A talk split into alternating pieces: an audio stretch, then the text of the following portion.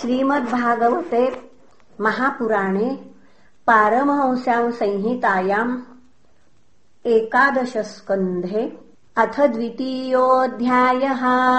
श्रीशुक उवाच गोविन्दभुजगुप्तायाम् द्वारवत्याम् कुरुद्वः। अवात्सीन्नारदोभीक्ष्णम् कृष्णोपासनलालसहाम्। को नु राजन्निन्द्रियवान् मुकुन्दचरणाम्बुजम्। न भजेत् सर्वतो मृत्युरुपास्य मम रोत्तमैः तमेकदा तु देवर्षिम् वसुदेवो गृहागतम् अर्चितम् सुखमासीनमभिद्वाद्येदमब्रवीत्।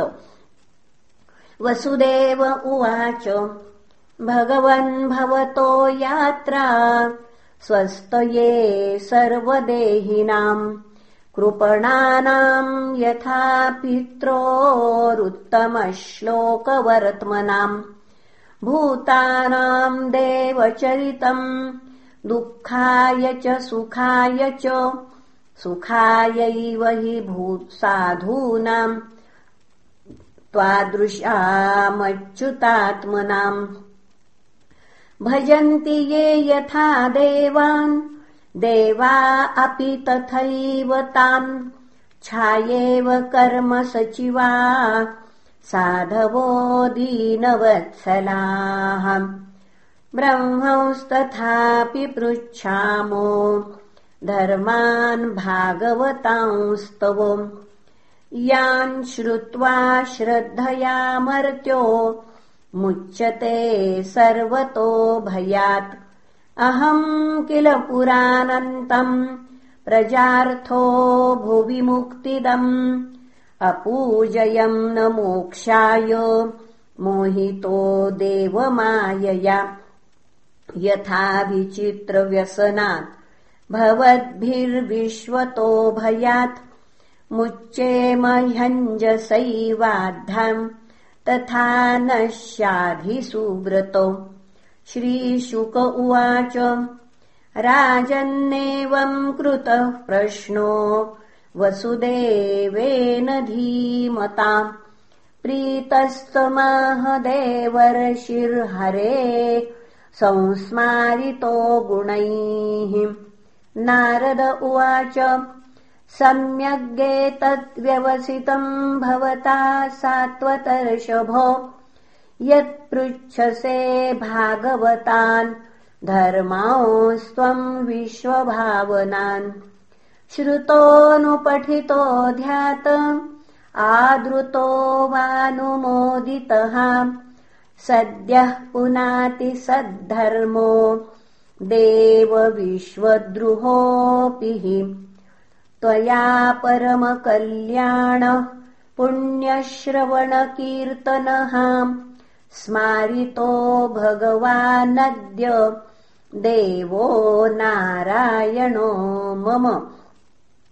अत्राप्युदाहरन्तीममितिहासम् पुरातनम् आर्षभाणाम् च संवादम् विदेहस्य महात्मनः। प्रियव्रतो नाम सुतो मनोः स्वायम्भुवस्य यः। तस्याग्निध्रस्ततो नाभिर्ऋषभस्तत्सुतः स्मृतः तमाहुरुवासुदेवांशम् मोक्षधर्मविवक्षया अवतीर्णम् सुतशतम् तस्यासि ब्रह्मपारगम्। तेषाम् वै भरतो ज्येष्ठो नारायणपरायणः। विख्यातम् वर्षमेतत् यन्नाम्ना भारतमद्भुतम्। स भुक्तभोगाम् त्यक्त्वेमाम् निर्गतस्तपसा हरिम् उपासीनस्तत्पदवीम् लेभे वै जन्मभिस्त्रिभिः। तेषाम् नवनवद्वीप पतयोऽस्य समन्ततः। कर्मतन्त्रप्रणेतारो एकाशीतिर्द्विजातयः नवा भवन्महाभागा। मुनयो ह्यर्तशंसिनः। श्रमणा वातरशना आत्मविद्याविशारदाः कविर्हरिरन्तरिक्ष प्रबुद्ध पिप्पलायनः आविर्होत्रोऽथ द्रुमिलश्चमस करभाजनः। त एते भगवद्रूपम् विश्वम् सदसतात्मकम्। आत्मनो व्यतिरेकेण पश्यन्तो व्यचरन्महीम्। अव्याहतेष्टगतय सुरसिद्धसाध्य गन्धर्वयक्षनरकिन्नर नागलोकान् मुक्ताश्चरन्ति मुनिचारण भूतनाथ विद्याधरद्विजगवाम् भुवनानि कामम् त एकदा निमे सत्र मुपजग्मुर्यदृच्छयाम् वितायमानमृषिभिरजनाभे महात्मनः। तान् दृष्ट्वा सूर्यसङ्काशान् महाभागवतान् नृपः। यजमानोऽग्नयो विप्रा सर्व एवोपतस्थिरे। विदेहस्तानभिप्रेत्यो नारायणपरायणान् प्रीतः सम्पूजयाञ्चक्रे आसनस्थान् यथार्हतः। तान् रोचमानान् स्वरुचा ब्रह्मपुत्रोपमान्नव पप्रच्छ परमप्रीतः प्रश्रयावनतो नृपः विदेह उवाच। मन्ये भगवतः साक्षात् पार्षदान्वो मधुद्विषः। विष्णोर्भूतानि लोकानाम् पावनाय चरन्ति दुर्लभो मानुषो देहो। देहिनाम् क्षणभङ्गुरः तत्रापि दुर्लभम् मन्ये वैकुण्ठप्रियदर्शनम्। अत अत्यन्तिकम् क्षेमम् पृच्छा पुनः अत आत्यन्तिकम् क्षेमम् पृच्छामो भवतो नघाः। संसारेऽस्मिन् क्षणार्धोऽपि सत्सङ्गः शेवधिर्नृणाम् धर्मान् भागवतान् ब्रूत यदि न श्रुतये क्षमम्।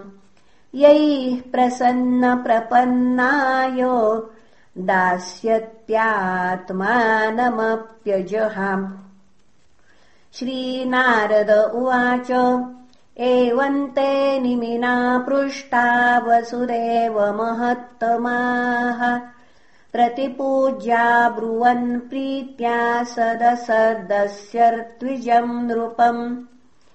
कविरुवाच मन्ये कुतश्चिद्भयमच्युतस्य पादाम्बुजोपासनमत्र नित्यम्। उद्विग्नबुद्धेरसदात्मभावाद् विश्वात्मना यत्र निवर्ततेभिः। ये वै भगवता प्रोक्ता उपाया ह्यात्मलब्धये अञ्जः पुंसामविदुषाम् विद्धि भागवतान् हि तान् यानास्थाय नरो राजन्। न प्रमादेत कर्हिचित् धावन्निमील्य वा नेत्रे न स्खलेन्न पतेरिहोम्। कायेन वाचा मनसेन्द्रियैर्वा बुद्ध्यात्मना वानुसृत स्वभावात्। करोति यत् यत् सकलम् परस्मै नारायणायेति समर्पयेत्तत् भयम् द्वितीयाभिनिवेशतस्या दिशादपेतस्य विपर्ययो स्मृतिः। तन्माययातो बुध आभजेत्तम्।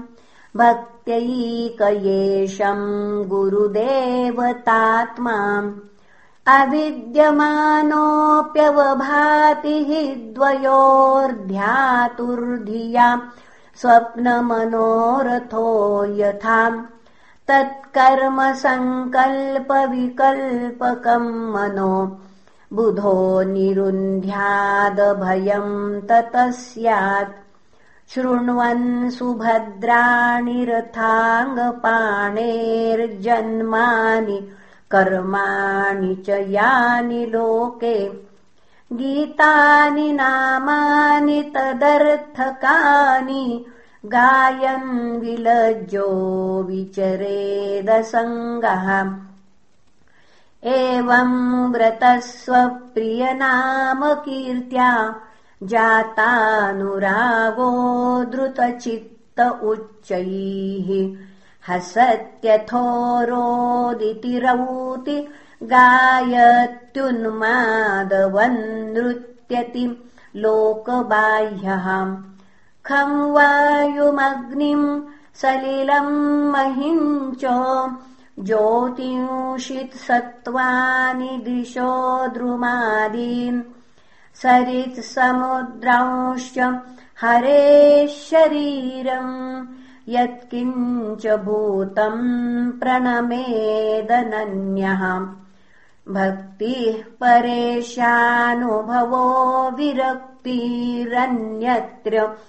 चैष त्रिक एककालः प्रपद्यमानस्य यथाश्नतस्युः स्तुष्टि पुष्टि क्षुदपायोऽनुघासम्।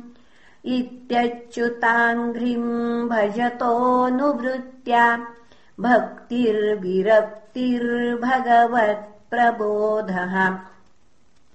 भवन्ति वै भागवतस्य राजम् स्ततः पराम् शान्तिमुपैति साक्षात्।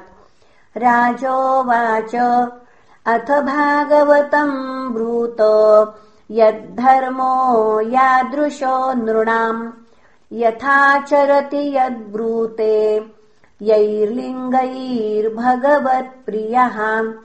हरिरुवाच सर्वभूतेषु यः पश्येत् भगवद्धाभावमात्मनः। भूतानि भगवत्यात्मन्येष भागवतोत्तमः।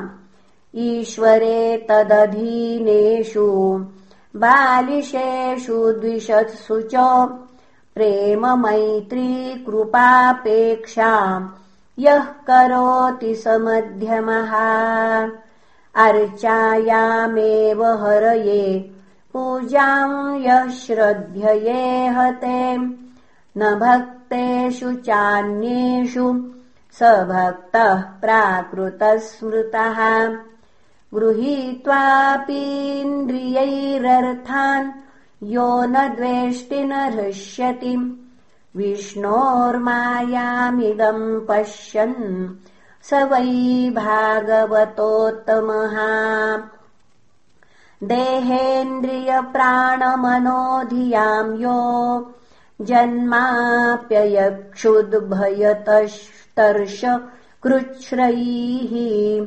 संसारधर्मैरविमुह्यमानः स्मृत्या हरेर्भागवतप्रधानः न कामकर्मबीजानाम् यस्य चेतसि सम्भवः। वासुदेवैकनिलयः स वै भागवतोत्तमः। न यस्य जन्म कर्मभ्याम् न वर्णाश्रमजातिभिः सज्जतेऽस्मिन्नहम् भावो। देहे वै स हरेः प्रियः। न यस्य स्वपर इति वित्तेष्वात्मनि वाभिदाम् सर्वभूतसमश्यान्त स वै भागवतोत्तमः त्रिभुवनविभवहेतवेऽप्यकुण्ठ स्मृतिरजितात्म सुरादिभिर्विमृग्यात् न चलति भगवत्पदारविन्दाल्लवनिमिषार्धमपि। यः स वैष्णवाग्रयः। भगवत उरुविक्रमाङ्घ्रिशाखा नखमणिचन्द्रिकया निरस्ततापे। हृदि कथमुपसीदताम् पुनः स प्रभवति चन्द्र इवोदितेऽर्कतापहाम् विसृजति हृदयम् न यस्य साक्षाद्धरिरवशाभिहितोऽप्य घौघनाशः प्रणयरशनयाघृताङ्घ्रिपद्म स भवति भागवत प्रधान उक्तः इति श्रीमद्भागवते महापुराणे पारमहंस्याम् संहितायाम् एकादशस्कन्धे द्वितीयोऽध्यायः। श्रीकृष्णार्पणमस्तु। हरये नमः हरये नमः हरये नमः